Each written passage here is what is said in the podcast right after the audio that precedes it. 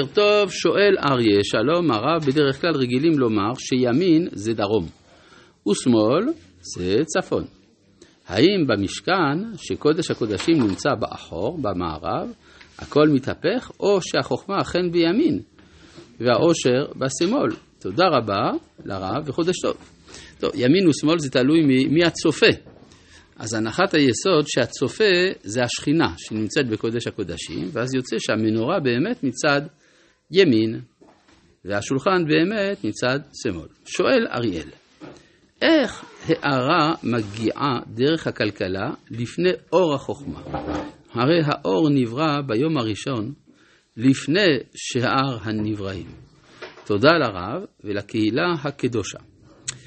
לפני שנברא האור היה החושך, והחושך הוא ההתחלה של האור.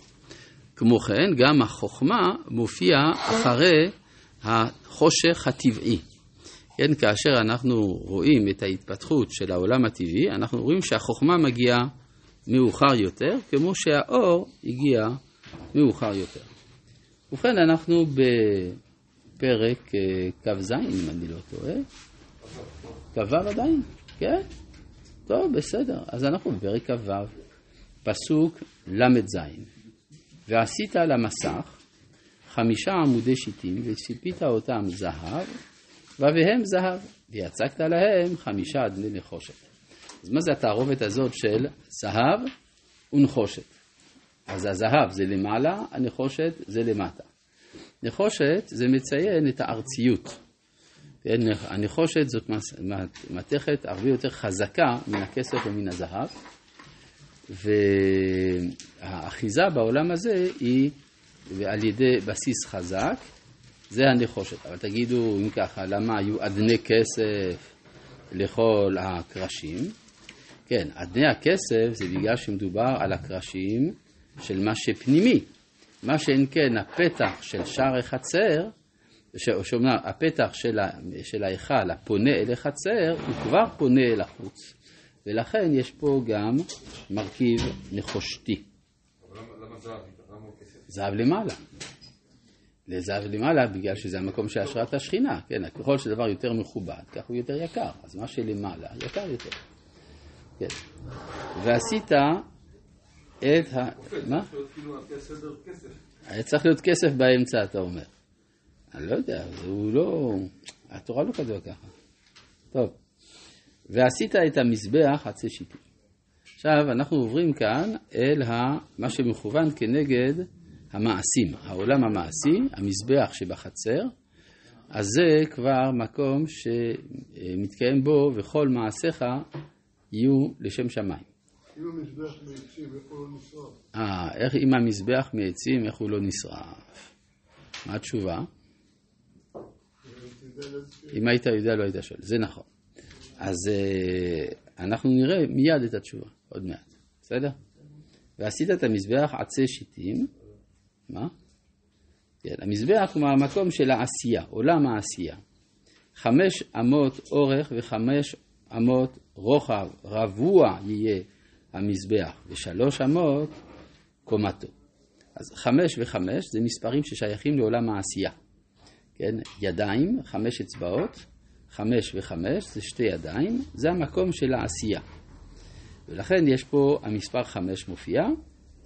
רבוע יהיה המזבח, זה כבר חידוש. כן, כי לכאורה העולם הזה הוא לא רבוע, העולם הזה הוא עגול. כן, ירושלמי אומר אין ריבוע בבריות. כן, כלומר, אנחנו לא מוצאים בבריות הטבעיות חי, אה, יצור מרובע, לא קיים. אלא יש תמיד משהו קצת הגלגל וכדומה. אבל הריבוע זה מציין את העליונות על הטבע, כלומר עולם המוסר. המוסר הוא עשוי מקווים ישרים, לעומת הטבע שהוא עשוי עיגולים. יש, אה, כמו שראינו גם למשל לגבי התפילין, יש משנה במסכת מנחות שאומרת שאסור שהתפילין תהיינה עגולות. כנראה שהיו כאלה שעשו תפילין עגולות, ולכן המשנה מתנגדת. אז יש הקפדה מיוחדת לזה שזה יהיה מרובע. כן, אז כתוב שהסכנה, לא ברור בדיוק מה זה הסכנה שמה, אבל אה, זה שהמשנה מקפידה שזה יהיה מרובע, זה ברור. והמשמעות של הדבר, שבעוד שאצל המצרים, במקום שבו אנחנו מניחים תפילין של ראש, הם היו שמים נחש, והנחש הוא הגלגל, אז התורה ציוותה עלינו לשים ריבוע, קובייה. קובייה שהיא מכוונת אל עולם של ערכים, כי בקובייה יש מעלה ומטה, ימין ושמאל, קדימה ואחורה. אז אותו דבר יש גם במזבח. המזבח נמצא באמצעו של העולם המעשי והוא רבוע. ושלוש אמות קומתו. למה שלוש אמות קומתו? כמה עולמות אנחנו מכירים? ארבעה. אצילות, בריאה, יצירה ועשייה.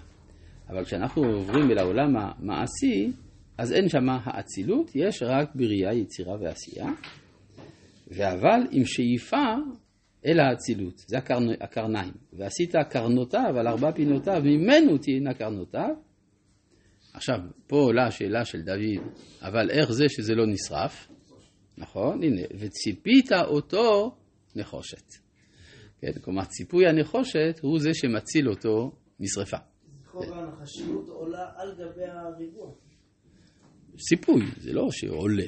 זה, זה, מה, זה מכסה, זה ציפוי. עכשיו, מה שיש, הנחושת, כן, זה כמו שאתה בהחלט שמת לב, זה מלשון נחש. נחש, הכוונה לכוחות הטבע, השכל הטבעי נקרא נחש, כן, והנחש היה ערום מכל חיית השדה, אז אונקלוס מתרגם, אה, וחיביה אבה חכים, ערום הכוונה חכים, חכם, מכל חיבת בירה. זאת אומרת שהנחושתיות זה, זה מה שמעשי מצד אחד, מצד שני זה מה שצריך להעלות. כן, נחש, יש בספר הזוהר שיש שני סוגי נחשים. דרוש התנינים המפורסם, יש תנין דקדושה ויש תנין דטומאה. ולכן נחש בגימטריה, משיח. אוקיי, יש צד כזה, אז זה, יש פה וציפית אותו נחושת. ועשית... מה? כן, זהו, זה בדיוק העניין. שזה כמו שאנחנו אומרים, האם ענייני החולין, האם לפי היהדות ענייני חולין זה טוב או רע? זה תלוי מה אתה עושה עם זה.